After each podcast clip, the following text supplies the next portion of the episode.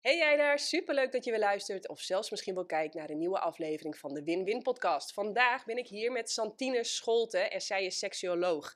Is begonnen als bioloog, afgestudeerd bioloog, heeft ook heel lang biologieles gegeven, is zelfs directeur geweest van een school. Dus je snapt, ik ben razend nieuwsgierig, ja, uh, hoe word je dan seksuoloog? Groot fan ook van kitesurfen. Um, en ook wel een beetje fan van de win-win methode en de bijbehorende manier van eten.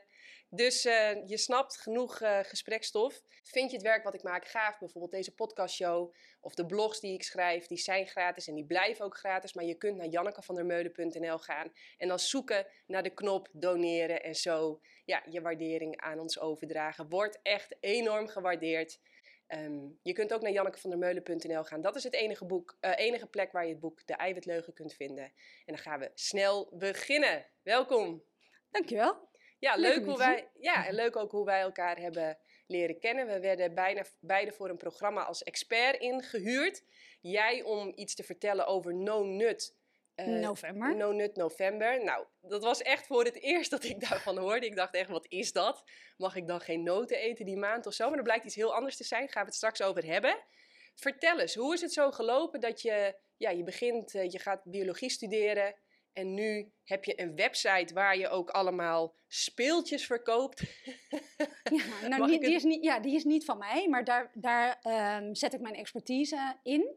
Inderdaad, dus dat, uh, dat klopt. Uh, daar zal ik zoiets meer over vertellen. Maar um, ik ben begonnen dus in het, uh, als, bio, ja, als, als bioloog, althans als student biologie. En om bij te verdienen ben ik in het onderwijs gaan werken. En nou ja, dat, dat vond ik heel erg leuk, want dat is, een, uh, ja, dat is natuurlijk heel leuk werk. En het was goed te combineren destijds met mijn studie. Dus toen ben ik eigenlijk langzaam, is dat lesgever ingeslopen. Dus ik ging biologie lesgeven. En uh, dat heb ik een hele tijd gedaan. Vond ik ook altijd heel erg leuk, maar het leidinggeven trok me ook. Dus vanuit de, het onderwijs ben ik leiding gegeven, heb ik altijd nog wel gecombineerd met lessen geven. En zo uh, heb ik dat een heel aantal jaar gedaan. Een hele zware baan, een leidinggevende functie in het onderwijs. Ik vond dat toen, uh, nou ja, 80 uur in de week maak je zo. En ik kreeg toen op een gegeven moment uh, kinderen. En toen vond ik het, werd het ineens allemaal veel lastiger. Ik vond het heel lastig om zo'n zware baan te combineren met het moederschap. En ik vond het moederschap destijds ook heel erg belangrijk, nog steeds eigenlijk. Dus ik wil dat dat een mooie combinatie is. En toen op een gegeven moment uh, was ik in mijn zwangerschapsverlof. En toen dacht ik, wat zou ik nog meer kunnen bijdragen aan het onderwijs? Wat is nou iets wat mij heel erg trekt? En toen moest ik denken aan de lessen seksuele voorlichting. Want ik had destijds al, ook als, to, toen ik werkte als directeur, had ik heel vaak leerlingen over de vloer die toch een ja, een soort van moment zagen dat ze, dat ze bij mij vragen konden stellen over seksualiteit. Dus ik had eigenlijk al een soort van ja, stiekem verborgen inloopspreekuur. Want ja, we noemden het niet zo, want dat was natuurlijk eigenlijk niet mijn functie. Maar de leerlingen vonden toch hun weg. Dus die, gingen, uh, die, die kwamen dus wel bij mij langs om allerlei vragen te stellen uh, omtrent het thema liefde, seksualiteit.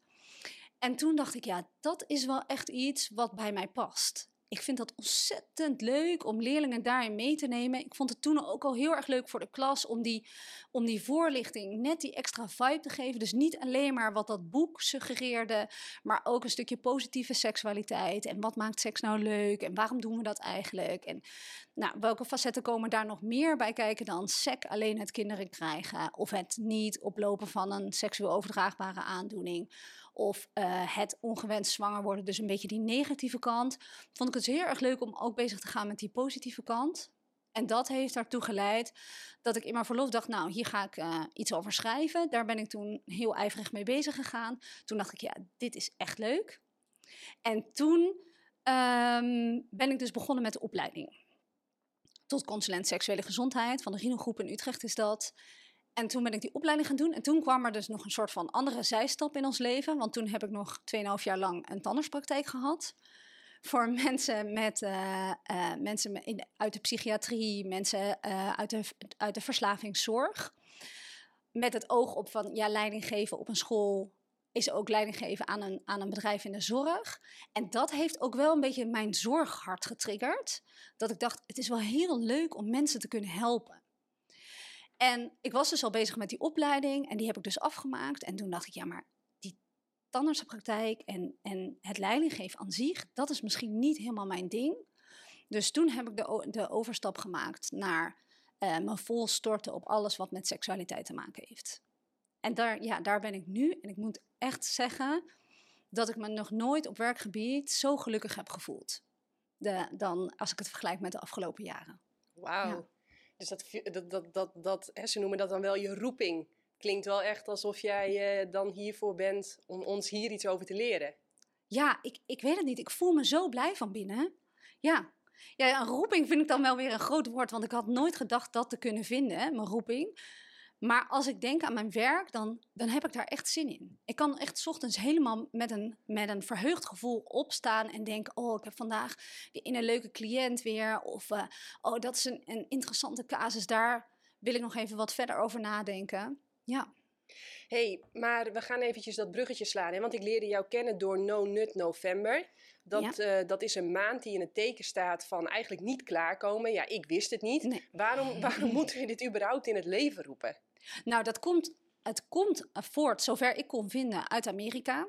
En het is ooit bedacht door een, door een organisatie die zich bezighoudt met, met mensen, vooral mannen zijn dat, die uh, last hebben van een pornoverslaving. Dus daar komt het vandaan. En zo, ja, sommige hypes waaien over. Vraag me niet hoe dat precies gaat. En dat is dus overgewaaid. En hier vind ik zelf een beetje uit zijn verband getrokken. Want wij implementeren dit nu zeg maar, over de hele Nederlandse bevolking. Mannen, vrouwen, wel of geen seks, et cetera, et cetera. En daar is het, zo is het nooit ontstaan. Het is specifiek voor die groep die dus verslaafd is aan het kijken bijvoorbeeld van porno, is het bedacht. En niet voor mensen die dat helemaal niet hebben, die gewoon een gezonde seksualiteit hebben bijvoorbeeld. Maar ik denk dan, een maand geen seks, is dat niet hartstikke ongezond? Nou, het lijkt, mij, het lijkt mij nogal een stagnatie van energie. Terwijl volgens mij wil je je, je seksuele energie ook volop laten stromen. Ja, ik denk van wel, kijk, we kunnen het wetenschappelijk niet hard maken of het slecht is of niet. Alleen, ik zie er gewoon niet het nut van in. Waarom, waarom zou je het doen? Waar is het, waar is het goed voor als het gewoon lekker loopt? Als jij prettig in je lichaam zit, je, je voelt je gezond en fit en je hebt prettige seks, waarom zou je dat dan stagneren? Ik, ja, ik zie zelf gewoon echt niet in wat daar nou ja, de meerwaarde van is. Nee, oké, maar goed, het is natuurlijk in, de, in het leven geroepen, omdat sommige jongens, uh, als ik het goed heb, wel 4, 5, 6, 7, 8, ik weet wel niet hoe vaak op een dag, uh, ik, wat, wat, las ik allemaal voor grappige woorden. Maar goed, die zijn de hele dag met solo-seks bezig. Want, en, en, het wordt wel een beetje dwangmatig, volgens ja, mij. Ja, precies. En als je dus in die dwangmatigheid zit, dan denk ik dat het helpend kan zijn om daarmee te stoppen. Maar daar zijn ook wel andere manieren voor dan het alleen in november. Hè? Want die dwangmatigheid zit er natuurlijk dan ook langer in dan alleen november. En daar heb je... Uh, vaak andere technieken voor. Ik ben bijvoorbeeld zelf ben ik uh, vat van zelfwaardering uh, hulpverlener. En vat van zelfwaardering gaat heel erg over zelfwaardering. En het idee dat je vanuit weinig zelfwaardering uh, bepaalde gedragspatronen ontwikkelt. Dus je kunt je voorstellen, als je je verveelt of je, je voelt je niet zeker over jezelf, dan kun je dat vat eigenlijk gaan vullen met dingen die helemaal niet goed voor je zijn. Bijvoorbeeld dus porno kijken. En porno kijken, is, dat triggert. Ze noemen het ook wel eens een aandachtspannen verslaving, omdat je continu die, je krijgt continu nieuwe prikkels toegediend. En prikkels van een hoge intensiteit. Dus mensen komen ook in een bepaalde loop terecht waarin het ene filmpje het andere uitdaagt. Iets wat je bijvoorbeeld bij binge-watchen ook ziet. Hè? Er wordt steeds een nieuw beeld opgegooid waar je naartoe getrokken wordt. En dat is dus ja, in de porno hetzelfde. Je wordt steeds naartoe getrokken, je kunt er makkelijk bij. En het kan een bepaalde leegte opvullen. En die leegte, dat is dan denk ik juist iets waar je aan moet werken. Maar dat is iets wat je structureel moet doen. Ja, oké. Dus we kunnen eigenlijk uh, samenvatten dat porno is een soort van genotsmiddel, eigenlijk om pijn te camoufleren. En een genotsmiddel wat heel makkelijk bereikbaar is en wat een. Eh, zeg ik het zo goed? Ja, ik zou zeggen niet zozeer pijn, maar een bepaalde vorm van leegte. Ja, dus, dus uh, jezelf niet voldoende um, kunnen, je, je vat van zelfwaardering noemen we dat dan, niet voldoende kunnen vullen met positieve dingen. Dus bijvoorbeeld sporten, gezond eten, eens een keer naar de kapper gaan, voor jezelf zorgen, de, de dingen um, uit het leven die je goed doen ook blijven ja, zien. En, en wat, wat, wat vind je eigenlijk überhaupt van porno? Ja, sorry, ik, ik, ik, ben, eh, ik ben er niet zo'n voorstander van, zeg maar.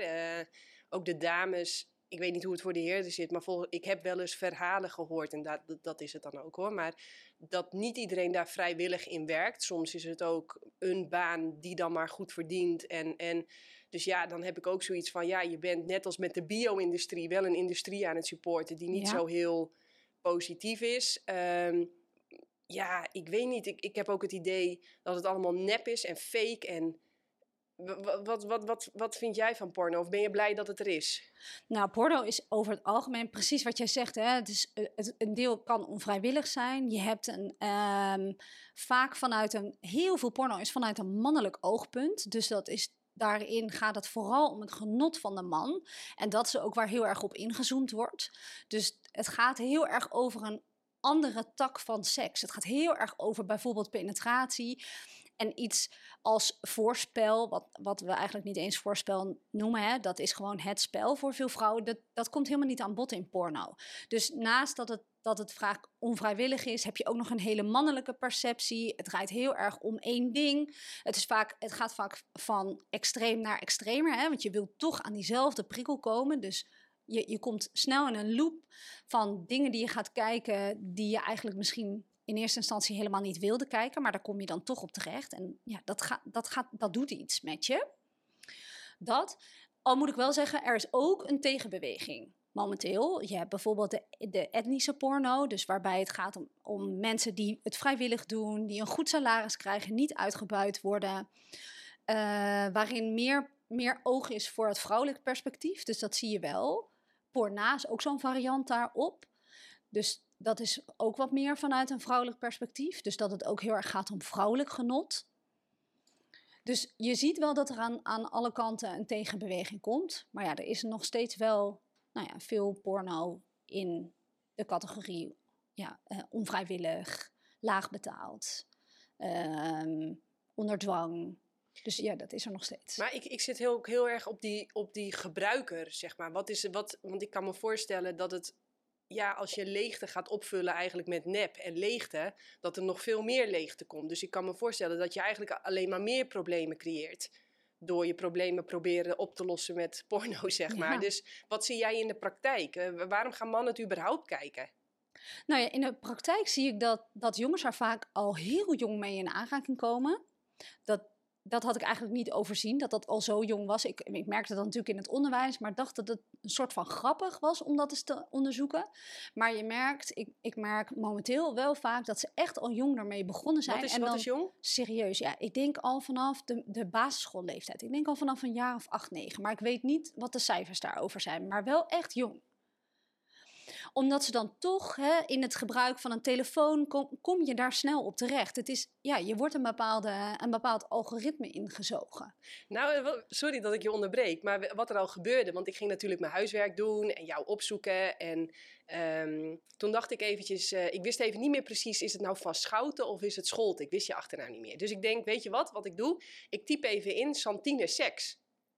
Ja, dat was niet handig. Nee, dat was niet handig. Dan ga je al een algoritme in. Ongelooflijk. Ja. Ja, terwijl dan, dan kom je helemaal niet bij mij uit. Nee, hè? Want absoluut aan die kant, die kant zit ik helemaal niet. Maar dat is wel wat er gebeurt. Dus zo makkelijk zie je al dat je dat, je dat algoritme in, ingezogen wordt. En via Instagram, social media, YouTube, nou noem al die kanalen maar. Ja, daar wordt ook gewoon gebruik van gemaakt. Hè? Want daar wordt geld mee verdiend. Met, met klikken, met zorgen dat mensen uh, blijven kijken. Dus dat is wel echt iets, ja, dat gebeurt. En wat moet je daar als ouder aan doen dan? Nou, dat is heel lastig. Ik denk dat het dus helpt om, wat ik al zei, hè, als je zorgt dat er goede voorlichting is en dat je, dat je jonge mensen leert van, hey, dit is, je kunt dit best kijken, maar denk eraan wat je, wat, wat je ziet, dat dat niet altijd de werkelijkheid is. Want dat is wat ik heel vaak merk in de praktijk. En dat is dan toevallig omdat ik nu een aantal cliënten heb die hiermee te maken hebben, is dat ze op een gegeven moment kijken jonge mannen veel porno. Ze hebben weinig ervaring met, met echte vrouwen bijvoorbeeld. En dan is dus de werkelijkheid van, van hun seksualiteit is wat ze gezien hebben in de porno. En dat is natuurlijk niet de werkelijkheid hoe het, hoe het in het echte leven gaat. Denk maar aan een eerste keer. In een eerste keer kom je vaak helemaal niet zo ver als dat zo'n pornoscène suggereert. Je, dat, dat moet maar net lukken. En het is, het is een soort zoektocht, het is elkaar aftasten, het is fouten durven maken. Ja, dat, dat zie je niet in porno. Daarin gaat het vloeiend en loopt het soepel en, en hebben vrouwen geen pijn. Dat hebben ze wel, maar dat zie je niet. Dus dat, dat soort experimenterend gedrag, ja, dat, is, dat zien we niet. Terwijl dat is natuurlijk wel de werkelijkheid. Het is een zoektocht. Seksualiteit is een zoektocht. Daar begin je. Je, je hebt een eikpunt, dat is dat eerste keer. En vanuit daar ga je je seksualiteit vormgeven. Ja, dat gaat niet in één keer goed. Niks wat we doen gaat eigenlijk in één keer voor een team. Nee, hey, en wat, wat zie jij in je praktijk als zeg maar problemen, of problemen, een beetje misschien een irritant woord. Kan ik daar iets moois voor verzinnen? Nou, in ieder geval, wat zie jij veel terugkomen? Waar struggelen wij als Nederlanders massaal mee? Um, nou, als je het dan hebt over die porno, dan zie je vaak dat prestatiedruk een hele grote, uh, een, een, heel, een heel groot item is. Dus de prestatiedruk en daarmee zie je soms erectieproblemen. Dus dan, dan lukt het door de druk eigenlijk niet meer. Wat, wat ik bij vrouwen heel veel zie is verminderd verlangen. En ja, dat heb ik een beetje tot mijn ding gemaakt, ik, omdat ik waarschijnlijk zelf in die, in die levensfase zit. Maar um, ik counsel heel veel jonge vrouwen. Dus, en dan vooral de, de, de jonge moeders.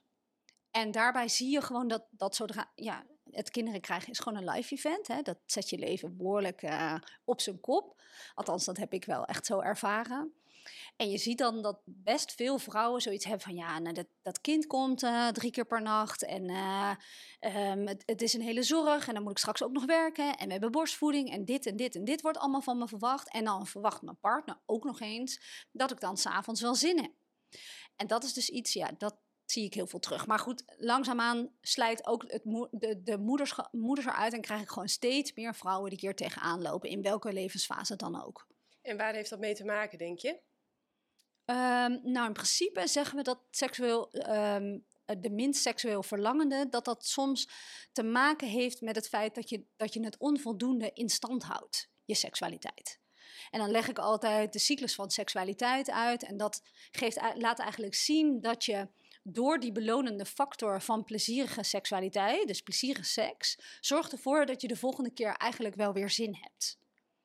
Dus het is een soort, ja, een soort cirkel waar je in gaat. Dus de ene keer, zodra je klaar bent met, met de ene keer, zeg maar, ben je alweer bezig met de volgende keer.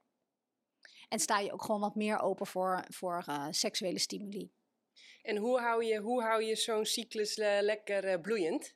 Ja, door er dus mee bezig te zijn. Dus door bewust is bezig te gaan met fantaseren. Um, maar ook, en dat vind ik zelf een hele belangrijke, omdat ik dat merk dat dat er echt aan het uitsluiten is in de maatschappij. Uh, het contact tussen hoofd en lichaam. Dat is echt wel, ja, dat, dat vind ik, dat, dat mag echt wel wat meer. En ik geef dus al heel vaak opdrachten waarbij ze weer met hun lichaam aan de slag moeten. Dus voelen, raak jezelf eens aan, kijk eens wat dat met je doet. Was is bijvoorbeeld je haar met, met uh, een, bewuste, een bewust brein. Dus waar ruikt je shampoo eigenlijk naar? Waar op je hoofd voelt het prettig? Om mensen dus vanuit dat hoofd weer naar het lichaam te krijgen. En dat is iets, ik denk dat dat maatschappelijk is. We zijn zo bezig met ons hoofd. We doen, ja, we doen zoveel in een soort stress. En, en de maatschappij vraagt dat ook van ons. We moeten maar, en dan weer dit en dan weer dat. En dat doen we allemaal met ons hoofd. Maar echt het voelen op, op je, ja, met je lichaam, dat slijt eruit. Dus dat is wel iets waar ik altijd wel focus heb liggen. En net als ja, dat uh, het, het, is ook een algemeen deel van gezondheid. Seksualiteit hoort ook bij gezondheid. Dus ik kijk ook altijd naar het bredere plaatje. Dus die lichaamsbeleving is ook iets dat hoort gewoon bij gezondheid. Als je pijn hebt in je knie, ga je op een gegeven moment ook naar de dokter. Dus zo is het ook met seks. Als dat niet lekker loopt, dan, dan is dat iets waar je wat mee kunt doen.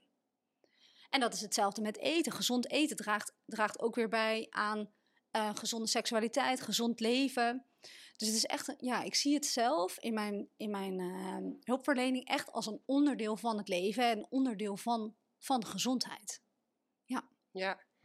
Nou ja, ik heb het idee dat mijn hormonen ook heel erg ermee te maken hebben. Want ik heb altijd bepaalde periodes, dan vind ik het veel interessanter dan andere periodes.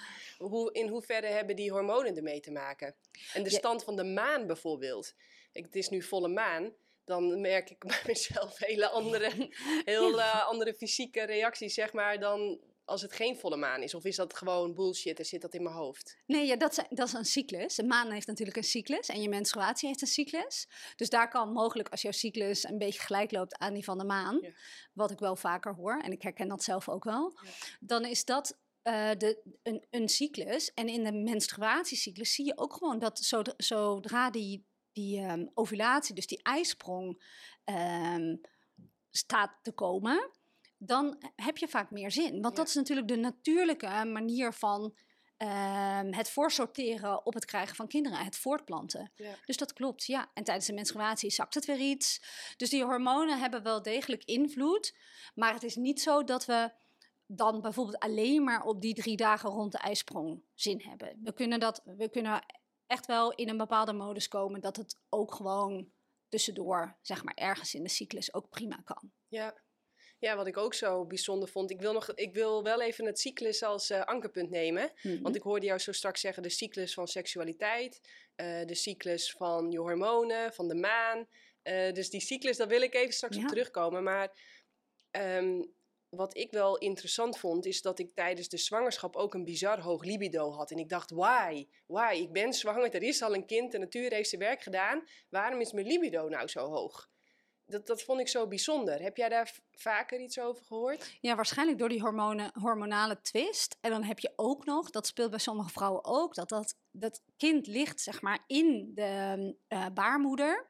En zeker als het wat gaat zakken, dan gaat het daar een beetje doorheen glijden. En dat geeft natuurlijk wel een bepaalde sensatie of prikkeling, die ook als, als um, opwindend ervaren kan worden. Maar goed, dus, ja, de ene heeft dat dus. De ene zegt: Ik moet er echt helemaal niks van hebben. Ik ben zwanger, laat me alsjeblieft met rust. En de ander die ervaart dus weer dat het heel prettig en aangenaam is. En dat het juist toen veel, uh, ja, veel heftiger voelde. Ja, ik heb zelf natuurlijk ook even een theorie zitten bedenken. Want ik dacht, ja, wat, wat is dit? Ja. het was natuurlijk ook leuk. Maar uh, het had volgens mij ook te maken met de doorbloeding. Ik ja, moest zo wat groter ondergoed kopen, zeg maar. Ja. Uh, en ik had ook het idee ik had zelf nog even een theorietje erop losgelaten. Dat ik dacht, ja, het is voor Mitchell nu niet heel interessant om weg te lopen. Die, die heeft uh, zijn handen vol aan thuis, zeg maar. dus ja. dat had ik er ook nog bij bedacht als theorietje. Je, je bedoelt dat de, de partner dan meer, meer ook op het nest gaat zitten? Ja, dat hij dat die, dat die er interesse houdt in thuis, in mij. In, uh, ja, dat, ja, dat je zijn kind draagt, ja ja, dat is dat ik zijn kind draag, maar ook dat ik het nog steeds heel leuk vind om. Kind. Ja, jullie kind, ja.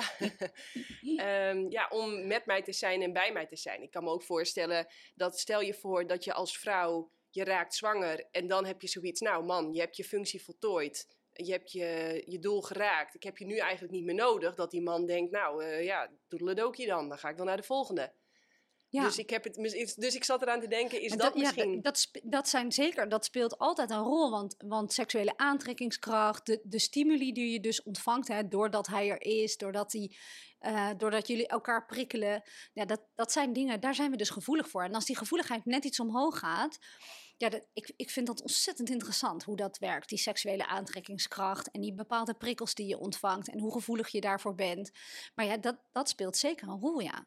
Ja, dus je, je, je wordt geprikkeld, maar je bent ook weer gevoeliger voor. Dus dat is wat ik net bedoelde, hè, met als je dan kijkt naar verminderd verlangen, dan, dan gaat hij op een aantal punten, zie je soms dat het, dat het verlangen afneemt. Dus ook in die gevoeligheid daarvoor, wat jij nu net beschrijft, hè, over uh, is er een, een voortplantingswens? Um, nou ja, zo heb, je, zo heb je echt wel verschillende punten die je kunt belichten. Het de lichaamsbeleving, je eigen seksualiteit. Heb je dingen aangenomen, dus heb je bepaalde associaties. Dus er zijn natuurlijk ook best veel mannen die denken dat als ze seks hebben tijdens de zwangerschap van hun vrouw, dat ze daarmee mogelijk het kind beschadigen. Ja, als je die aanname hebt, ja, dan ziet het seksuele spel er echt wel anders uit. Ja. Ja, Maar ik denk dat we toch dan tegen de mannen moeten zeggen: hoe, je zult ongetwijfeld ongelooflijk groot geschapen zijn, maar er zit. je, daar kom je niet bij. Nee, nee, daar kom je zeker niet bij. Nee, daar kom je niet bij. Nee, dat zou niet goed zijn. Kijk, als je, als je echt op het punt staat te bevallen en je vliezen zijn gebroken, dan is het wat anders. Maar tegen die tijd is het natuurlijke libido ook al wel uh, gezakt, zullen we maar zeggen. En nou, ja, ja, nou goed, dan gaan we er toch even op verder. Want ik heb vroeger altijd als schijntje gemaakt van ja, ik weet niet of wij aan kinderen beginnen. Maar stel je voor, uh, wij in een vlaag van verstandsverbijstering gaan we ervoor. Dan gaat het wel mijn beste orgasme ooit worden. Nou, dan werd ik natuurlijk heel hard uitgelachen. Terwijl er zijn boeken over geschreven.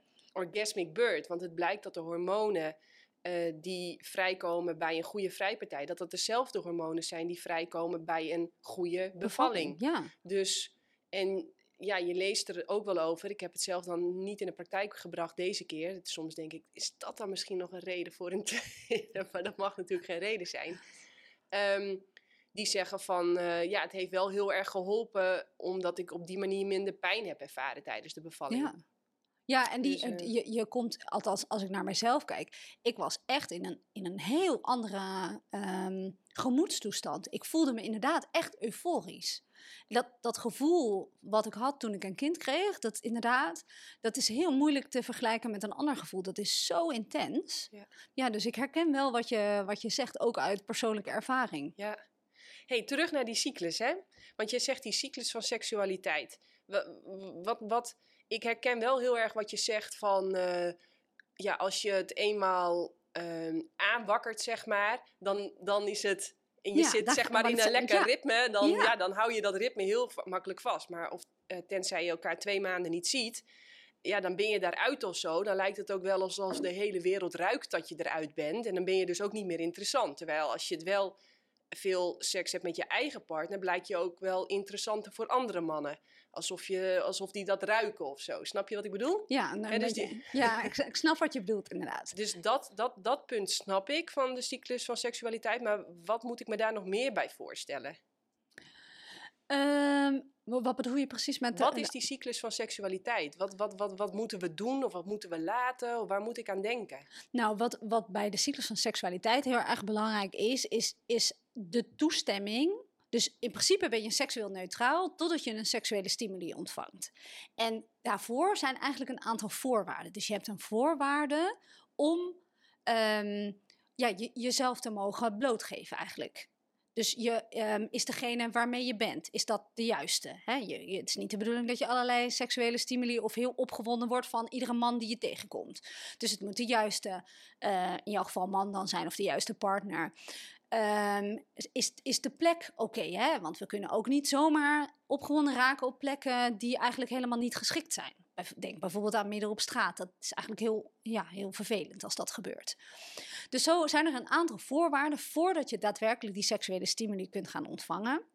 En op het moment dat je de seksuele stimuli ontvangt, dan moet er nog een verwerkingsproces gaan lopen. En een deel is biologisch. Dus wat gaat je lichaam doen? Dus je lichaam gaat reageren door hormonen uh, vrij te geven. Door bijvoorbeeld de bloedvaten wat te laten verwijden. Zenuwen raken geprikkeld, hè, want, want die zitten in de huid, ons grootste orgaan, maar ook in de geslachtsdelen. Dus je gaat prikkeling um, ontvangen. En dan dus de objectieve opwinding. En dan heb je nog de subjectieve opwinding. Dus het brein. Het brein moet het, moet het ook oké vinden. En dat is dus, ja, die twee moeten eigenlijk samen op groen staan om ervoor te kunnen zorgen dat je echt kunt genieten van seksualiteit. Dus die, die zowel psychisch als biologisch, dus lichamelijk en, en psychisch, heb je eigenlijk een soort van go nodig, groen licht. En dan kom je in de loop van het genot, het genieten, het fijn vinden. En eigenlijk zorgt dan het orgasme, wat we vaak de kers op de taart noemen. Hè? Dat is heel fijn als je dat kunt krijgen, maar niet alles, want de taart zelf is ook lekker. Um, dus die twee, zowel de taart als het genieten van die kers, die kunnen er weer voor zorgen dat je de volgende keer weer sneller die stimuli ontvangt. Zodra je dus de checkbox van is het oké, veilig, is de context goed. Ja. Wat ik ook heel erg bij mezelf merk is, stel je voor, Mitchell is een tijdje weg geweest, dan vindt hij het eigenlijk wel eventjes, dat valt me heel erg op, ik zie het ook bij andere mannen. Um, als hij dan aan mij zit, dan denk ik heel vaak van, uh, hallo, wie ben jij? Terwijl ik, weet je, ik ben al super lang met hem en ik ken hem heel goed. Maar dat merk ik, dat een vrouw heeft wel heel erg die emotionele betrokkenheid nodig. Ik merk dat als hij oprecht geïnteresseerd is in hoe het met me gaat en hoe mijn dag was en wat de leuke dingen waren en de minder leuke dingen. Dat, dat, vind ik, dat vond ik zo bijzonder om te merken. Ik las dat ooit in een boek. Die zei, uh, ja, je hebt natuurlijk dat vertrouwen nodig. Je moet die man echt kunnen vertrouwen dat hij uh, jou niet als lustobject ziet, maar ja, jou echt uh, waardeert om wie je bent, zeg maar. En echt met jou de liefde wil bedrijven. maar aan de andere kant dat je dus ook die emotionele betrokkenheid als vrouw zo super belangrijk vindt. Ja. Voordat je die man pas toe kan laten. Terwijl dat bij mannen is dat wat minder. Ja, ik denk dat dat toch ook nagenoeg wel gelijk gaat, oh, gaat hoor. Ja, ik denk dat, dat ik, qua seksualiteit verschilt het niet zoveel tussen mannen en vrouwen. Ik denk dat mannen net zo goed die, die betrokkenheid nodig hebben en, en inderdaad ook die verbinding. Oh, wauw. Leuk.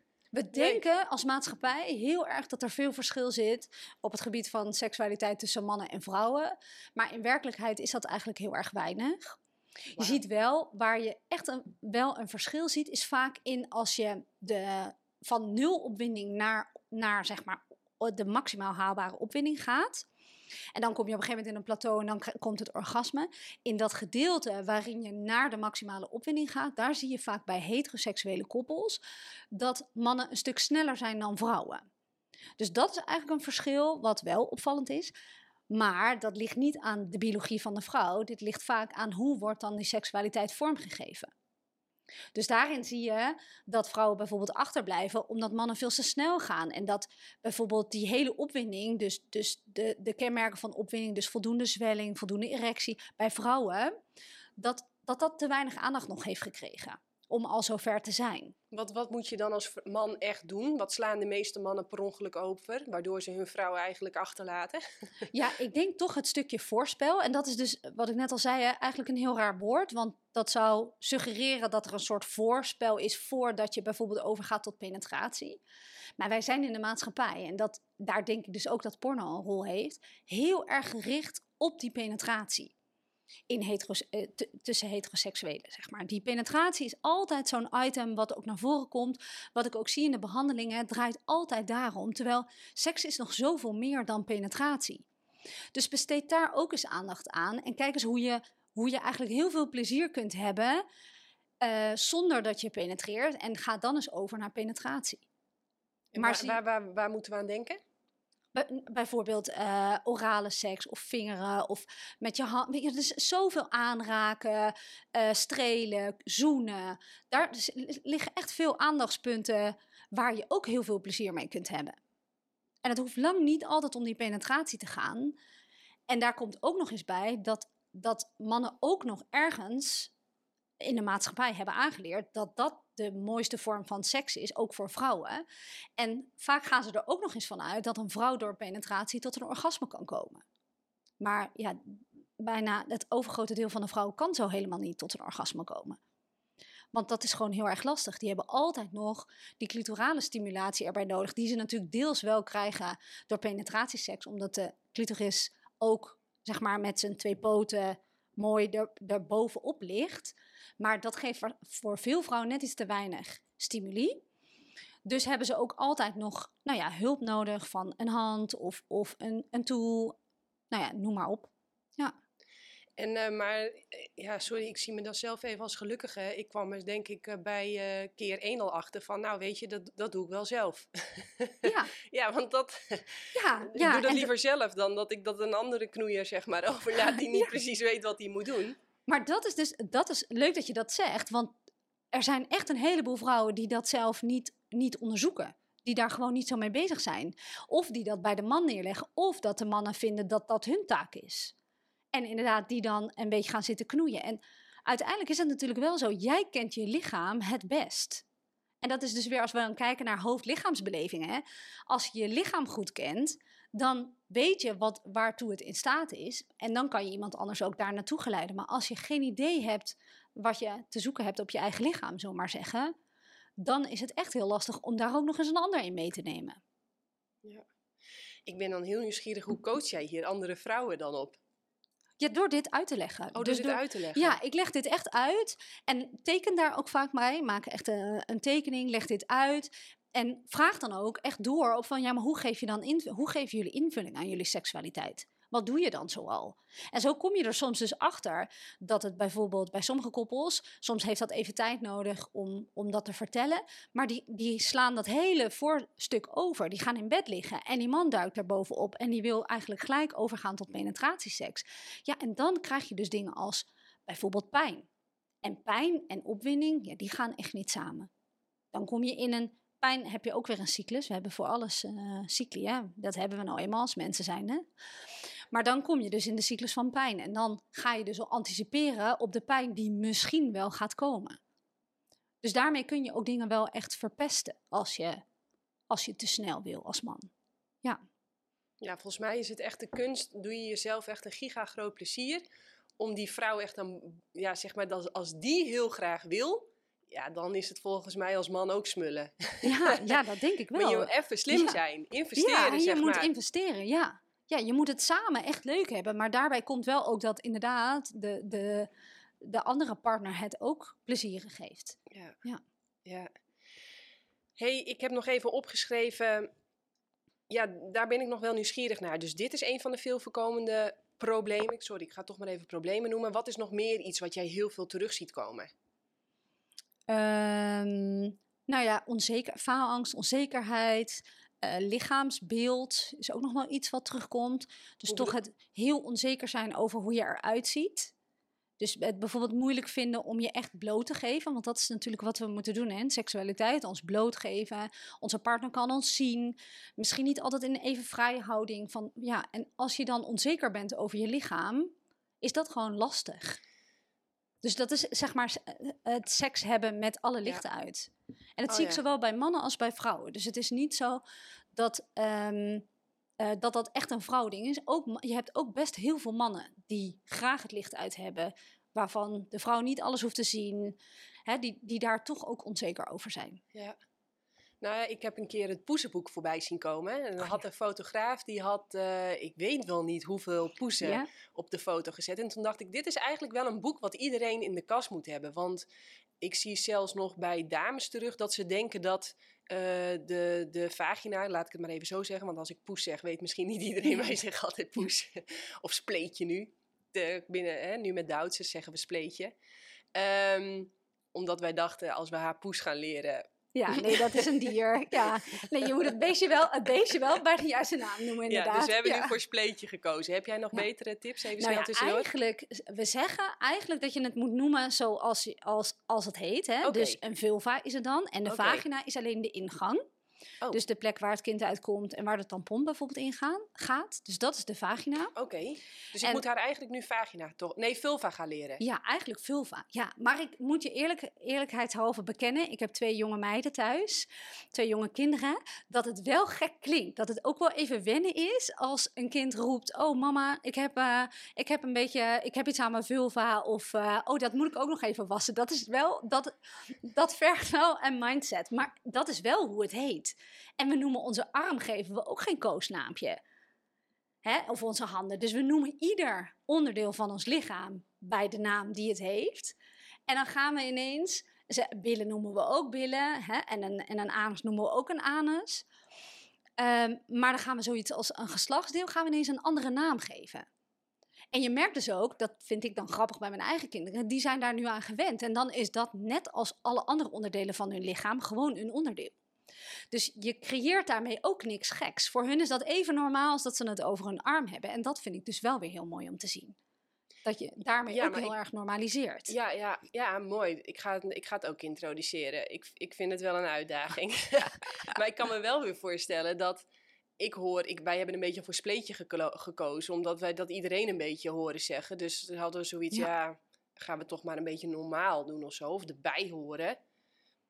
Ja, en Terwijl ze is er wel van in de ban. Hè? Ze vraagt ook aan iedereen, heb, eh, heb jij, ben jij een jongen? Oké. Heb je dan een, piemel? Ja, precies. Heb, zit jouw piemel in je onderbroek? Ja. ja, piemel zit in de onderbroek. Hoe oud is jouw dochter? Tweeënhalf. Tweeënhalf, oh ja, mijne drie. Dus die zit in dezelfde fase, ja. ja. Heb jij een piemel? Vraagt ze dan. Ja. ja, dus dat is inderdaad wel heel interessant. En dat hoort ook bij een gewone normale seksuele ontwikkeling. Hè? Dat ze daar ineens aandacht voor krijgen. Alleen is het nog helemaal niet seksueel. Heeft het dus gewoon met anatomie te maken, met het ontdekken. Ehm, En hoeven we dat ook helemaal nog niet te seksualiseren. Dat is gewoon een vraag. En daarom denk ik dat het ook goed is dat het een gewoon onderdeel van het lichaam is. En ja, dat we het niet gekker maken of zo door alleen al een woord te gebruiken. Ja, ja.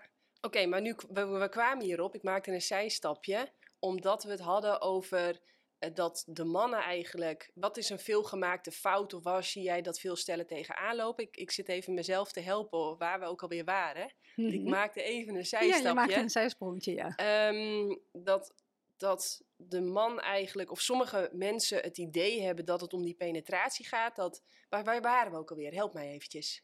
Ja, daar, ja, volgens mij hadden we het daarover inderdaad. Maar ik ben ook meegegaan in jouw zijstap. Ja, shit, shit, Janneke. Ja. Want ik had ook nog in mijn hoofd, dat je wilde ook nog terugvallen op cyclus, op, op uh, cycli. En dag en nacht is natuurlijk ook een cycli. En daarvan wilde ik nog zeggen dat ook heel veel mensen leven met het idee dat je seks hebt als je s'avonds moe naar bed gaat. Dus wat ik heel vaak tegenkom, dan heb ik gelijk een bruggetje naar waar we het over hadden. Uh, wat ik heel vaak tegenkom is dat mensen helemaal uitgeput van de hele dag, die gaan dan s'avonds naast elkaar in bed liggen, die doen de lichten uit en die willen dan eigenlijk nog plezierige seks hebben. Maar dan zie je dus dat, dat er een aantal cyclussen tegen elkaar in, uh, cycli tegen elkaar in gaan werken. Want je hebt natuurlijk ook gewoon de cycli van dag- en nachtritme. En ons lichaam is zo ingesteld dat zodra s'avonds, het is avond, we hebben een, we hebben een, een dag- en nachtritme. Zodra het avond wordt en het licht wordt minder, dan, ja, dan gaat het lichaam melatonine produceren bijvoorbeeld. En dan gaat dus ook de behoefte aan seks eigenlijk weg, want dat past niet bij het dag- en nachtritme. Dus daarin zie ik ook wel, ja, daar probeer ik dus ook altijd op in te zetten. Van ja, kijk nou eens, wanneer doe je het dan?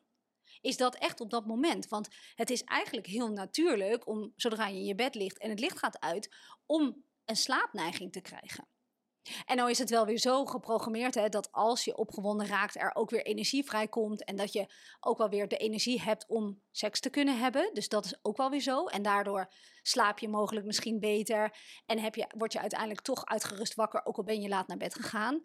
Maar Ehm, als je bijvoorbeeld verminderd verlangen hebt en je gaat dat dan ook nog eens alleen op dat moment van de dag doen, terwijl je eigenlijk al moe bent omdat je het zo druk hebt gehad, ja, dan kun je kijken van is het niet gunstiger om bijvoorbeeld op zaterdagmiddag een date te plannen en dan eens een keer seks te hebben. Gewoon omdat je dan dat dag- en nachtritme in ieder geval omzeilt. Ben jij voorstander van seks in de agenda? Ja. Vertel eens. Nou, bij, bij sommige mensen denk ik echt dat dat heel goed kan helpen. En ik zeg dan nooit seks in de agenda, maar plan een moment uh, om te verbinden. Dus kijk eens of je een moment kunt plannen om eens samen te gaan lunchen dan bijvoorbeeld. En maak daar dan eens wat van. Eh, zet eens wat lekkers op tafel. Doe eens je beste voor. Zorg dat je er leuk uitziet. Maak, maak daar eens een feestje van. En hetzelfde kan natuurlijk ook s'avonds. Maar dan moet je dus rekening houden dat je nog wel energie over hebt om, als het er dan van komt, om er ook iets mee te doen. Maar maak er eens ja, geef er, eens, geef handen en voeten aan. Maak er eens een leuk moment van. Verbind eens, vraag eens naar elkaar. Ga eens, ga eens dieper in op een bepaald onderwerp waar je gewoon in het dagelijks leven misschien niet toe komt. En kijk dan eens wat daar dan uit voortkomt. En ik zeg altijd, als het dan niet gebeurt, dat is helemaal niet erg. Het moet geen moeten zijn. Maar er moet wel een moment zijn waarop het zou kunnen. En als, het, als je weet dat het kan, het is leuk en gezellig, dan zul je zien, dan gaat dat, dat balletje gaat vanzelf wel rollen. Ja, leuk. Ja. Leuk. Ik weet ook alweer hoe we hierop kwamen. Omdat ik uh, het wel een leuk missie vind om iedereen zeg maar het poezenboek te geven. En dan zal er ook wel een piemelboek moeten komen. Ja, volgens mij was een vulva-boek. Ja, uh. Een vulva-boek. Ja, ja. ja, omdat ik ook terugzie dat uh, heel veel dames nog steeds het idee hebben dat de vulva er op een bepaalde manier uit moet zien. Ja. Terwijl die hebben we, als ik dat boek, uh, dat heb ik even doorgebladerd, toen dacht ik, oh, nee. 20.000 vrouwen, 20.000 vulva's. Ja, precies. Dus dat is geen, ja. dit is goed en dat is niet goed. Het kan echt op 20.000 manieren. Ja. Nee, op 7 miljard manieren. Ja. Want we hebben 7 miljard vrouwen. En we worden uh, natuurlijk heel erg geprogrammeerd ook weer daarmee. Want als we dan weer terugblikken ook op porno. In porno zien we toch een bepaald beeld van een vulva. Maar we zien niet wat daaraan vooraf is gegaan. Hè? Misschien is zo'n vrouw toch geopereerd.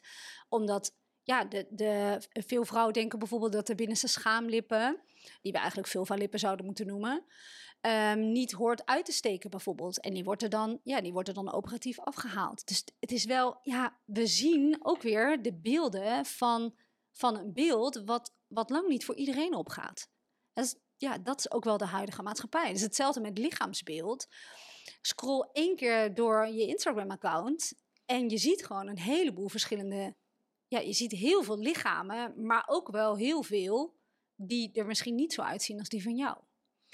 Ja, maar dat komt omdat jij in de kitesurf-bubbel zit. Dus jij ziet allemaal van die kitesurfers. Ik zie alleen maar echt mega afgetrainde vrouwen, ja. Nou, zie je. Ja. Dus ik zit, maar ik zit dus wel in die loop. Ja. En hoe, hoe sterk mijn zelfbeeld ook is, hè, als die sterk, heel sterk is, maar ik merk wel, ik heb daar soms echt last van. Dat ik denk, ja, dan zit ik een beetje te harken in die sportschool en bij mij zit het helemaal geen zoden aan de dijk. En moet je eens kijken, zij ziet er zo uit. Waarom zie ik er nou niet zo uit? Dus of je het nou wil of niet, denk ik, dat het altijd iets doet om zoveel, zo vaak van dat soort beelden, want we kijken relatief toch vaak, om daar toch steeds mee geconfronteerd te worden. Ja.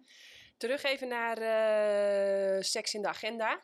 Uh, ja, sorry, ik hoorde daar voor het eerst over en dat, dat, was gewoon nieuw voor mij. Ik dacht echt, seks in de agenda, dan moeten we...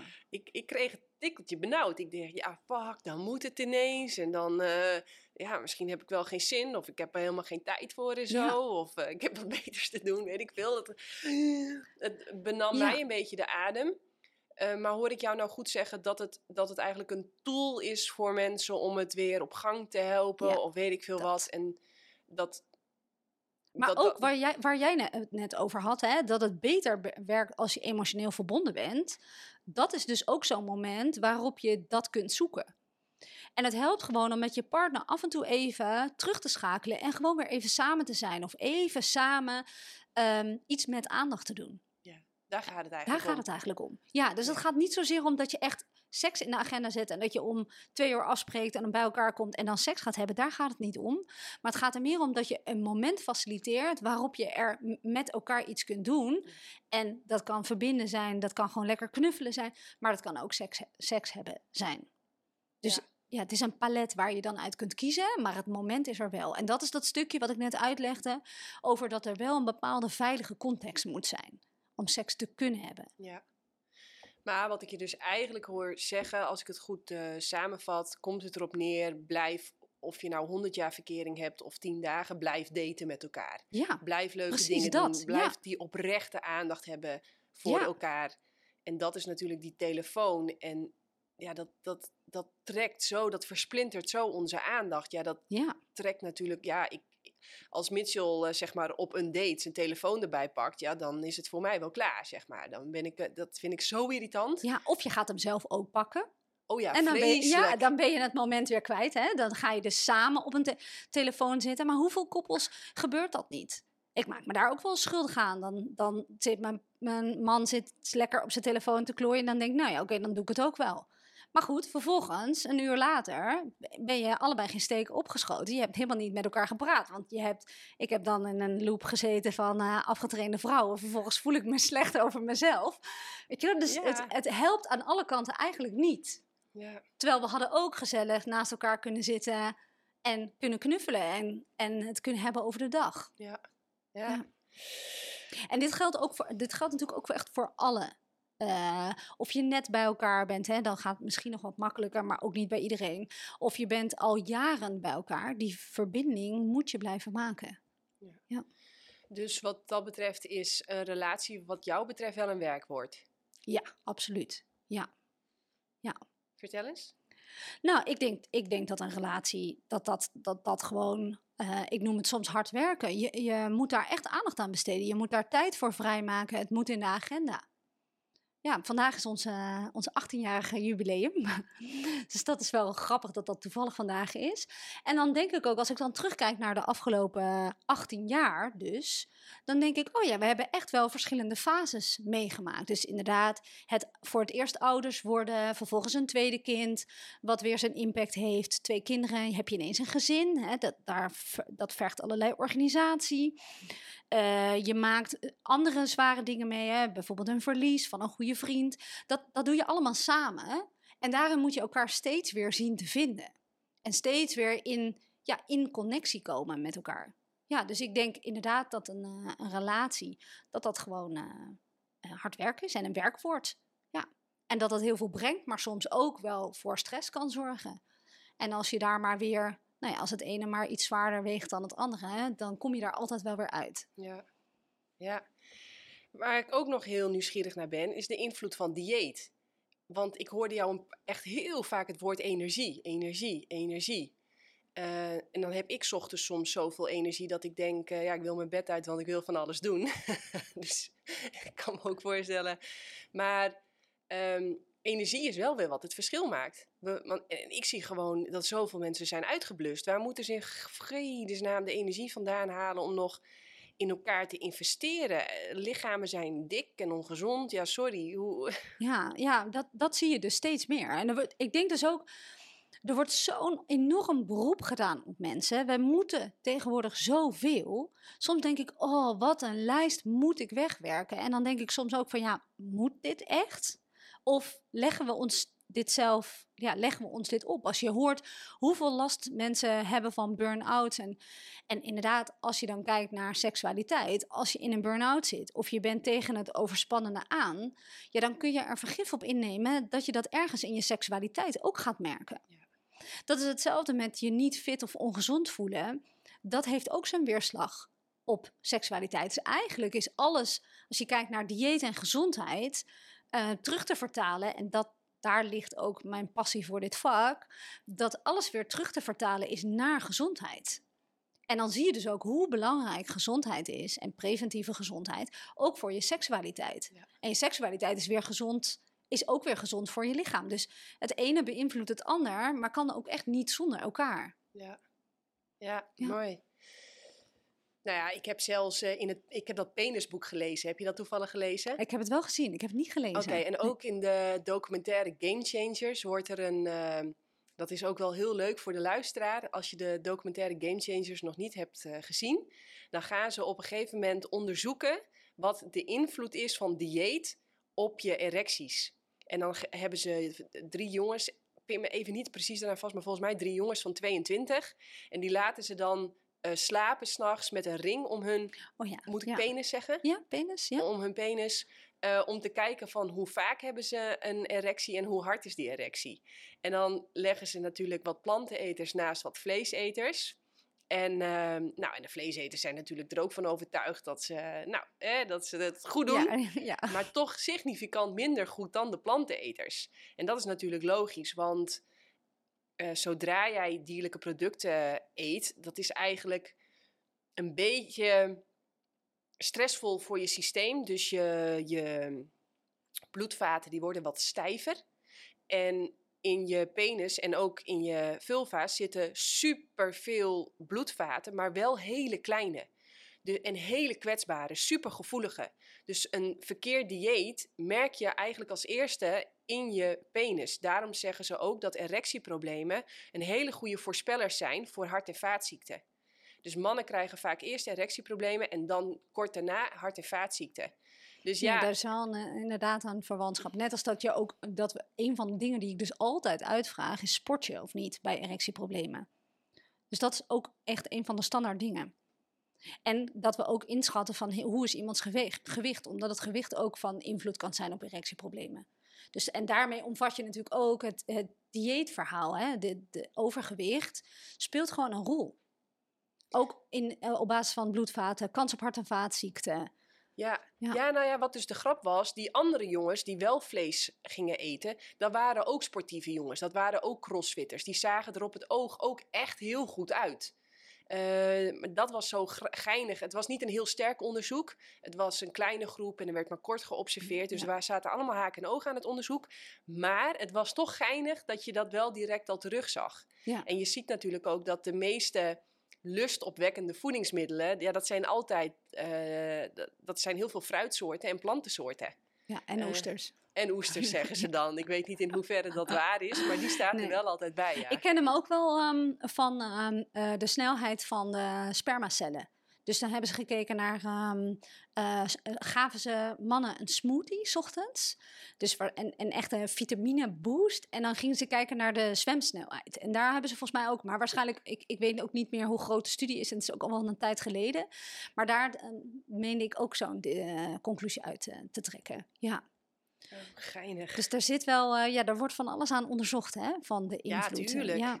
Tuurlijk. Nou ja, wij hebben in Amsterdam uh, boven de IVF-kliniek uh, gewoond. Nou, daar was het flink druk. Dus ik kan me voorstellen dat er wel.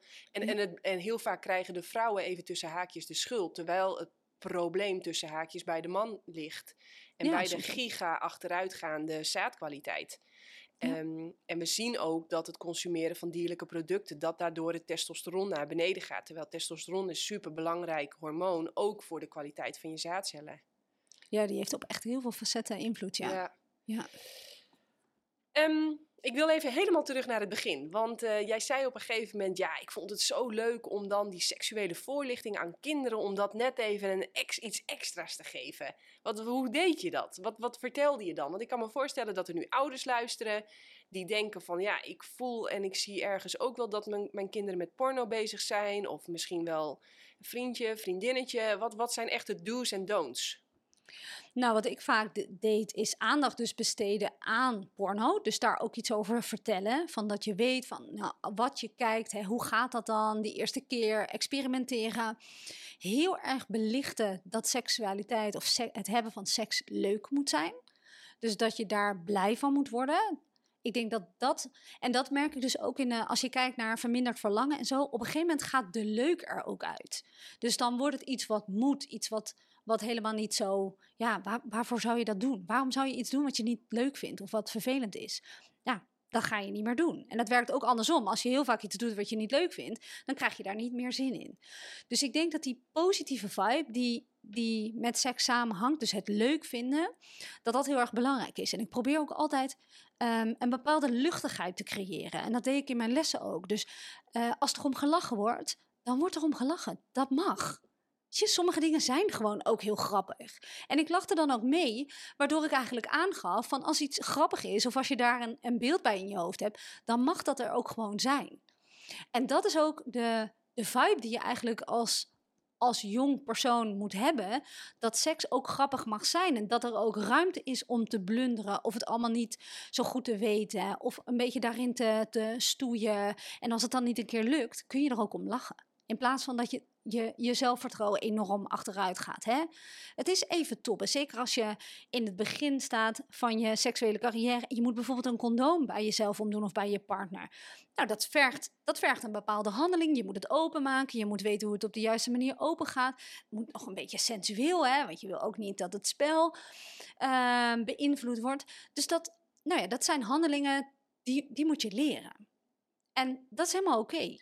En ik denk dat onze jonge generatie moet leren dat je eigenlijk, zeg maar, we zien de porno, maar welke ruimte is er nou in het echte leven? En hoe belangrijk is het om te experimenteren en om uh, plezier te hebben en gewoon verliefd te zijn en dat leuk te vinden? Het hoeft allemaal niet zo zwaar en ja, plezier is denk ik het allerbelangrijkste. En we hebben gewoon een beetje de neiging om om het negatief op te pakken. Hè? Kijk maar naar wat er dan in, het, in de maatschappij gebeurt als het dan gaat over seksuele uh, voorlichting. Dan gooien we daar gelijk een heel negatief sausje over. En oh, maar dat kan toch niet? En dit kan niet en dat kan niet. We, we zijn geneigd snel te oordelen als het gaat over uh, seksuele ontwikkeling.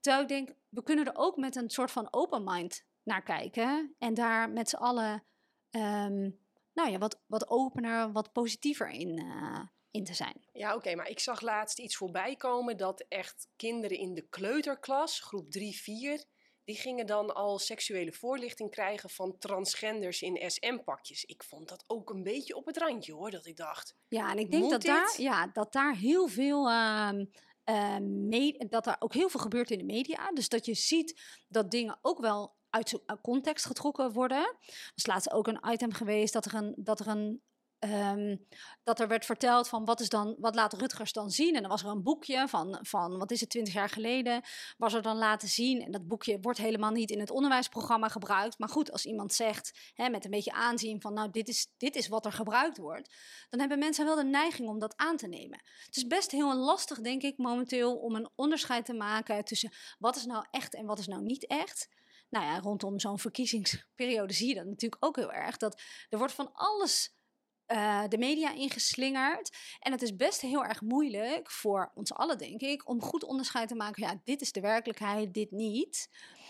Um, en soms zit ergens ook een verhaal achter, maar kun je dingen ook wel echt zo uitsnijden dat het ineens heel onhandig overkomt. Ja, oké. en mijn vraag is ook eigenlijk indirect: wat is dan, of verschilt dat gewoon per kind? Wat is een leeftijd? Wat moet je er als ouder over beginnen? Ik kan me niet herinneren dat mijn ouders erover begonnen zijn bij mij. Die hebben ja, ik nou, weet wat, niet. Wat ik vaak uh, zeg, is dat je hoeft er natuurlijk helemaal niet in, in persoonlijke situatie over te hebben. Hè? Maar het kan soms heel erg helpen om als je als gezin aan tafel zit, om het te hebben over iets wat in het nieuws gebeurt. En dan heb je het wel over seks, maar maak je het niet, maak je het niet altijd persoonlijk. Maar er wordt wel over gepraat. En omdat er over gepraat wordt, open je eigenlijk ook een deur, mocht er wel wat aan de hand zijn. Dus ook hierbij weer, als je het luchtig brengt, als je er luchtig mee omgaat en je hebt er gewoon een gesprek over. Dus bijvoorbeeld als het gaat over grensoverschrijdend gedrag bijvoorbeeld, dat komt veel in het nieuws. Dan kun je het daar eens over hebben. Dan zeg je, hé, hey, ik las dit stukje. Uh, zoon, wat vind jij er eigenlijk van? Hè? Hoe zou jij hiermee omgaan als, als iemand het over jou zou zeggen? Of uh, heb je het hier wel eens met je vrienden over? Je kunt natuurlijk best makkelijk op basis van een artikel bijvoorbeeld een gesprek hebben met je ouders hierover.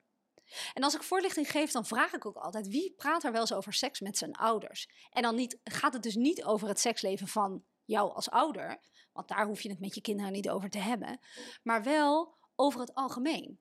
dat er een openheid is, een mogelijkheid tot het stellen van vragen, mocht je toch ergens vastlopen.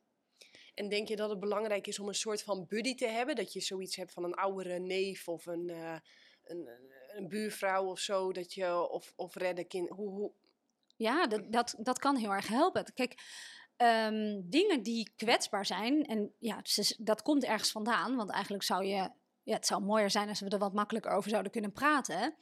Maar een bepaalde kwets, kwetsbaar onderwerp is dat, ja, als je iemand in vertrouwen hebt genomen, is het gewoon fijn om met diegene daarover te spreken. En soms helpt het als dat een persoon is die wat meer ervaring heeft op dat gebied. Dus je kunt het met je vriendinnen bijvoorbeeld wel bespreken, maar als zij even goed niet weten van ja, ik zou niet weten hoe ik daarmee omga, dan heb je daar misschien niet zoveel aan. Dus als je ergens in je gezin een deur opengezet hebt, dan kan dat wel helpen om eerder naar jou toe te komen voordat het bijvoorbeeld misgaat. Ja, ja, ja. Uh, je had het zo straks over dat je heel veel vrouwen in de praktijk hebt die als ze net moeder zijn geworden, dat ze dan ja, eigenlijk helemaal weer opnieuw hun weg moeten vinden met seksualiteit. Ik, uh, ik heb dat zelf ook echt heel erg zo ervaren. Uh, ik had echt het idee dat ik ben bevallen zeg maar, als een soort van topsporter. Dus die spier die heeft toen heel hard gewerkt. En die is toen gaan overcompenseren. Dus ik, ik had echt het idee, nou ik heb het ook niet geprobeerd. Maar volgens mij zou je nog geen ping bij mij naar binnen krijgen. Um, en dat heeft denk ik wel een jaar geduurd voordat dat weer, dat het mijn vagina, ja, mhm. en mijn vulva, mijn vagina, dat die weer voelde zoals van ouds. Dus uh, ja, wij hebben ook wel weer eventjes helemaal moeten herontdekken van, uh, oh ja, hoe deden we dit ook alweer samen? ja. En, um, maar wat ik zo leuk vond, jij zei zo straks iets over die spiegel. En ik heb vroeger een uh, oppas gehad, een meisje uit uh, Sri Lanka. En die zei, ik weet niet hoe we daarbij kwamen en waar we daar, waarom we daarover spraken. Maar die zei wel, ja, je moet met een spiegel natuurlijk wel bij jezelf gaan kijken hoe dat eruit ziet en zo. En hoe dat allemaal werkt. En uh, ja, ik heb dat toen ook gedaan. Ik vond het hartstikke interessant. En ook na de bevalling, het eerste wat ik heb gedaan, ik denk dat ze nog geen vijf minuten oud was, maar ik was wel even nieuwsgierig van, ja, hoe, hoe ziet deze ontplofte egel er nu uit? ja, want er wordt toch even een courgette door een neusgat heen geduwd. En tot mijn grote verbazing hele, zag je bij mij helemaal niks. Helemaal niks. Ik dacht, huh? Bijzonder, hè? Dat, dat, zo, uh, ja. dat dat zo gaat. Ja, ik vond het echt... Uh, dus mijn moeder zei, zal ik je even wassen? Dus mijn moeder heeft me even lekker gewassen, want op mijn benen zat natuurlijk wel ja, wat. Ja, wou het zeggen, dat bloedt wel, ja. Ja. Um, maar ja, daarna dus heel erg die overcompensering of zo. Ik weet het niet. Of, of, het, was, of het was iets van, ja, ik weet niet, maar het leek een beetje op, uh, nou, nu even niks meer erin. Want ik moet nu inderdaad voor dat kind zorgen en ik moet de borstvoeding geven en ik moet zelf weer op de rit komen. Ja, of het is gekomen, ik, ik zit nu maar even gewoon een beetje hardop uh, te denken. Dat ik was natuurlijk heel erg erop gefocust dat ik moet heel snel weer kunnen squatten en springen en rennen. Dus ik heb na de bevalling de hele tijd als Duitse dan lag te slapen, ging ik op mijn buik liggen werken. En dan trok ik mijn navel in en omhoog. Nou, het was dus binnen no time super strak. En ik kon weer springen, rennen en alles erop en eraan. Maar ik heb het idee dat het een soort van overcompensatie was. En waardoor het. Uh, want hoe ging. Jij hebt twee kinderen. Hoe ging dat bij jou? Ja, bij mij. Uh, ik had een totaalruptuur.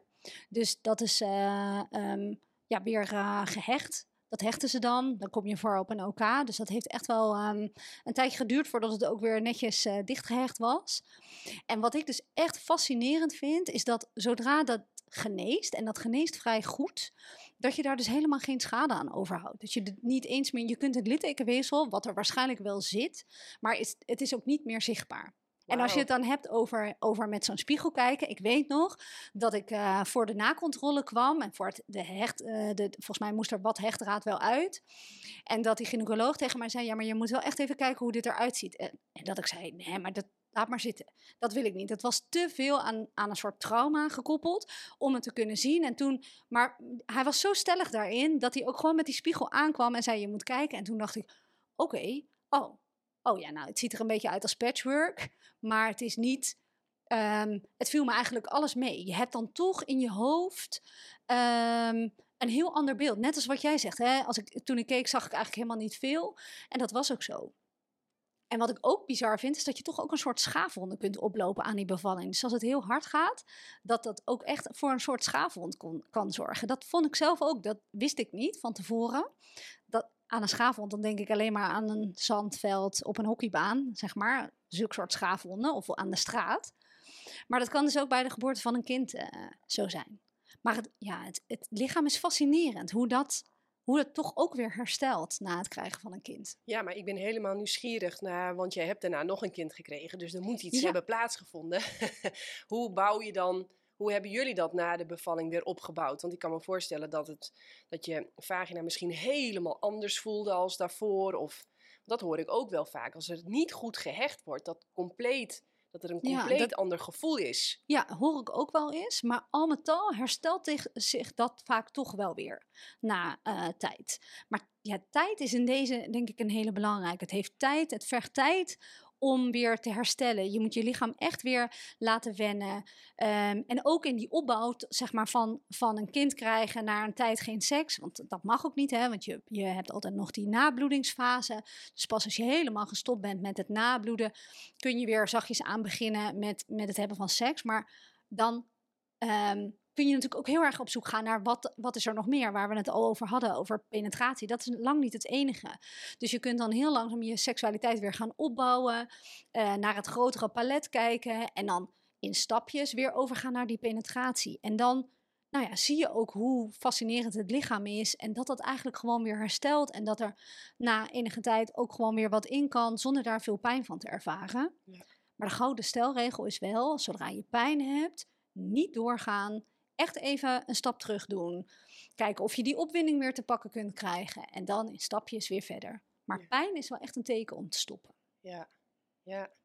Nou, en volgens mij verschilt dit ook gewoon weer heel erg van vrouw tot vrouw. Want ik hoor ook wel dames die echt best wel snel wel weer uh, ook genieten van penetratie. Soms echt al na een paar weken. Ja. En ik, maar ik hoor het ook heel veel dat het soms wel een jaar duurt. Ja. En ik kan me ook voorstellen dat het nog te maken heeft met borstvoeding geven of zo, in verband met hormonen en... Ja, speelt ook een rol. En ook dat heeft weer twee kanten. Hè. Sommige vrouwen geven borstvoeding en hebben zoiets van, nou, daardoor hoeft er helemaal geen, uh, aan mijn lijf geen polonaise. Maar je hebt ook vrouwen die bijvoorbeeld reageren op, die, op, dat, op de toeschietreflex, waardoor de baarmoeder ook iets samenknijpt. En dat kan soms ook weer voor een erotische prikkel zorgen. Dus het kan ook juist heel plezierig zijn. Um, of goed voelen om dan wel weer uh, seksueel contact te hebben met je partner. Ja. Nou, en een vraag die wij heel veel krijgen is, uh, want de meeste mensen weten wel, wij hebben een bed van 3 bij 220, I don't know, heel groot. en uh, die slaapt daar dus bij. En hoe wij dat dus doen om met een Duitse die in bed slaapt. En ja, wij zijn er wel achter dat als ze slaapt, dan slaapt ze. Ja, dat is zo. Ja. ja, dus dan kun je, nou ja, in het begin denk je wel van ja, ze moet niet, niet wakker worden. En ik merk dat het, dat het uh, als je een beetje creatief bent, dat er wel mogelijkheden zijn. Ja, zeker. Ja, dit is, dit is iets wat, wat ik ook wel vaker tegenkom. Dat ze zeggen, ja, maar het kind slaapt tussen ons in en nou kunnen we niks meer. En dan zeg ik ook, een kind slaapt en als het slaapt, slaapt het en krijgt het niks mee van wat je doet. En een kind kan helemaal niet verwerken wat er gebeurt. Dus het is ook niet dat als het wel wakker zou worden, dan stop je even en dan leg je het op een andere plek of zorg je dat het weer slaapt en kun je weer verder gaan. Hè? Dus er zijn wel manieren om daarmee om te gaan. Um, ik adviseer ook nog wel eens een co-sleeper. Dan kan je het kind echt daadwerkelijk wel in dezelfde slaapkamer, maar toch in een apart bedje liggen, leggen. Dan heb je, kijk, jullie hebben een groot bed, maar niet iedereen heeft zo'n groot bed. En je wil ook niet toch per ongeluk het kind zeg maar een, een duwtje geven als je het aan de zijkant hebt gelegd. Dus zo kun je met wat, wat praktische dingen, dus als je dan kijkt naar hoe geef je invulling aan je seksualiteit, kun je met, een, met wat praktische tips, kun je toch gewoon seksueel actief zijn, ondanks dat het kind er ook bij is. Ja, net als uh, wij hebben bijvoorbeeld ook, uh, wij gebruiken een condoom als anticonceptie. Um, dat is ook iets, je moet eventjes daarmee leren omgaan. En um, ja. Maar het, het geeft ook wel weer grappige dingen. Want ja, we hebben natuurlijk ook wel eens gehad dat we heel veel zin hadden. En dan heb je niet zo'n condoom. Um, met als gevolg dat je creatief wordt of inderdaad andere dingen ja, uh, uh, op een andere manier seks gaat hebben, zeg maar. Dus ja, ik vind dit ook wel weer. Uh, maar als je creatief bent en je wil, dan zijn er wel mogelijkheden. Ja, en dat is dus ook weer, hè? Het hoeft ook niet altijd alleen maar s'avonds als, als het kind ook daar is. Hè. Het kan ook wel eens smiddags. En dat lijkt ook wel heel lastig in mensen hun hoofd te komen. Want ik probeer dan wel zo'n voorstel te doen van een, van een bank bijvoorbeeld. Hè. Het kan ook prima op een bank. Je kunt gewoon een dekentje op de bank neerleggen. Hè. Dat, dat, dat, dat kan echt. En dat, dat slijt er ook wel uit. We zijn wel heel erg. Nou ja, we zitten toch in een bepaalde. Uh, in een bepaalde ja, hoe, hoe we ons leven vormgeven. Ik zoek even het woord, maar kom er niet op. In een bepaald stramien, denk ik, waarin we uh, geassocieerd hebben: seks heb je in een bed. En that's it. Maar als er dan een kind in het bed slaapt, ja, dan is het lastig. Maar in plaats van dat we dan naar, naar iets creatiefs zoeken, zeggen we soms van ja, maar dan hebben we maar geen seks meer. Totdat ze weer naar de eigen kamer gaat. Nou, dat gaat lastig, want dat, dat kost tijd hè, om een kind dan weer in een, op een eigen plek te krijgen. Dus zo wordt dat steeds uitgesteld. Dus je ziet soms dat kinderen op hele lange, heel lang bij hun ouders in bed blijven, omdat ze maar nou ja, zitten te struggelen met naar een eigen kamer. Ook oh, toch niet, dat is moeilijk. Maar ook geen seks. Dus dat je op een gegeven moment in zo'n conflict komt. En dan helpt die creativiteit wel gewoon heel erg om te kijken van... hé, hey, maar wat is er dan wel mogelijk? En hoe kun je dit dan wel voor elkaar krijgen? Ik weet niet, of ik nu alleen voor mezelf spreek, maar ik heb wel echt het idee dat dat, dat eerste jaar na de bevalling ja, was het wat mondjesmaat bij ons en wat passen en wat meten. En we moesten echt er weer inkomen, zeg maar. Maar we waren wel beide heel erg gemotiveerd om dat weer terug te halen of zo. Wel echt het idee dat als Mitchell te lang weg is, ja, ik vind dat niet leuk. Dan sterft er wel wat in mij of zo. Ik weet niet. Ik vind het als vrouw of zo, ja, wel heel fijn of belangrijk of zo, of bemind te worden? Of, hoe, hoe, hoe, of zeg ik nu iets geks? Nee, nee, ik denk gewoon dat dat liefde heet. Ja, dat, dat je zo, je, je bent gehecht aan je partner. En bij die hechting hoort ook inderdaad het, de ander graag willen zien of de ander graag willen aanraken. Dus ik denk dat dat onder de noemer liefde valt iemand missen. Of, of... Nou, toevallig had ik daar heel grappig, had ik recentelijk een gesprek over met een vriendin. Die zei van ja, maar mijn vriend mist me eigenlijk al zodra ik gewoon uit huis ga om een dag te werken. En zei ze, nou, maar dat heb ik helemaal. Missen doe je toch pas als iemand twee weken op vakantie is of zo en jij bent niet mee. En toen hadden we het daar dus over. En toen zei ik, ja, maar ik voel dat soms ook wel zo. Ik vind het soms, als ik dan thuis aan het werk ben en mijn partner is dan uh, aan het werk, ben ik echt oprecht blij dat hij thuis dat hij weer thuis komt. Ik ben echt zo'n vrouw die dan bij de deur staat te wachten tot hij thuis komt. Want dat vind ik gewoon leuk. En als hij dan dus belt dat hij, dat hij op zijn werk nog een spoedje heeft doorgekregen of zo, dan kan ik echt oprecht teleurgesteld zijn. Dat ik denk, oh, dat is jammer. Ik had al zo zin om je te zien en nou moet ik weer een uur wachten. En tuurlijk, hè, een spoedgeval heeft altijd voorrang. Maar ik verheug me dan wel op zijn komst. Ja. Ja, maar ik bedoel ook heel erg juist het seksuele aspect. Ik heb het idee dat als je te lang uh, droog staat, om het even zo te zeggen, dat uh, in de studententijd noemden we dat altijd, dan krijg je pandapunten. ja, dat ik weet niet. Of ik heb daar gewoon iets negatiefs aan gekoppeld, maar is, is, het, is, het, is, dat, is het fysiek, is het voor je spirituele gezondheid, is het niet belangrijk om seksueel actief te zijn? Of is dat gewoon Nou, je bullshit? houdt het dus wel, ja, je houdt het wel, je houdt het wel, de flow erin. Dat is het. Maar het is niet dat het erg is dat het een tijdje niet is hoor. Dat, dat, het, heeft geen, niet, het is niet in zekere zin gelijk heel negatief. Hmm. Want ja, niet seks is niet gelijk aan niet wandelen of niet, niet sporten. nee, je kunt nee, gewoon op een gezonde manier een tijdje droog staan. Niks precies, aan de hand. niks aan de hand. Nee, Hmm. nee, dus dat kan zeker. Maar je kunt natuurlijk ook zelf daarin een rol pakken. Hè? Je kunt ook bijvoorbeeld voor soloseks kiezen. Die optie is er ook nog. Dus je kunt ook zelf aan de slag. Dus als je partner er niet is, kun je zelf gaan ontdekken. En dat helpt wel weer om het dan ook weer fijner te hebben op het moment dat, hij, dat je wel weer samen bent. Want Ja. dat, daarmee leer je je eigen lichaam kennen. Je maakt weer contact hè, van hoofd naar lichaam. Dus ja, die, die solo-seks, ehm, die kan weer heel erg helpen. En ehm, nou heb ik je heel vaak het woordje leuk, leuk, leuk. Eh, is dat ook de reden dat Levaplein ontstaan is? Eh, ja, Levaplein is, een, eh, ehm, is, het, is het bedrijf wat ik met nog drie anderen heb. En daarbij gaat het vooral, want we hebben dus die persoonlijke counseling. Hè, dus dat, dat is met een, een individu of een koppel. Maar daarbij misten we eigenlijk alle met z'n vieren een plek waar je eigenlijk alle kennis verzamelt. En dit bijvoorbeeld in een groepsvorm uitzet. Dus we hebben een retraite georganiseerd eh, onlangs, waarbij het ging over seksualiteit. Dus dat we heel erg gingen kijken naar, naar een groep met vrouwen. Dus dan krijg je ook een dynamiek. Dus dan krijg je dat je een onbekende ineens iets gaat vertellen over jouw seksualiteit. Maar als ja, tegenreactie krijg je dus dan ook bij een ander te horen hoe het gaat. Waardoor je in een groepsdynamiek wat meer ehm, eerlijke verhalen te horen krijgt. Die je misschien niet van je vriendinnen te horen krijgt of van, je, van de mensen om je heen. Dus je, door de verhalen van anderen leer jij zelf ook weer heel erg veel. Dus dat in, in groepsvorm, daarvan dachten wij dat is ook wel heel erg ehm, ehm, helpend. Dus daarom hadden we, hebben we dus retraites organiseren we, maar ook webinars. Staat er nu bijvoorbeeld één op het programma over reuma en seksualiteit. Omdat ja, dat heeft ook invloed op je seksualiteit. Of Ja, over ziektes. ja, ziektes, verlangen. Ehm, en eigenlijk kijken we of we verschillende doelgroepen kunnen aanspreken met dit bedrijf. Dus mensen met reuma of mensen met een bepaalde huidziekte. Of mensen die heel erg vastlopen in hun verlangen. Of dat we steeds kijken naar hoe kunnen we nou een bepaalde doelgroep bedienen met bijvoorbeeld een webinar en een werkboek. Of nou, ja, we hebben verschillende manieren om, om mensen te, eh, te begeleiden, maar wel in, in een groepsvorm. Oh, maar ik ben op een of andere manier op die website, zal wel allemaal algoritme komen. ik kwam direct bij allemaal. eh, ik wist niet eens wat het was. Het leek wel een soort van eh vliegenmapper.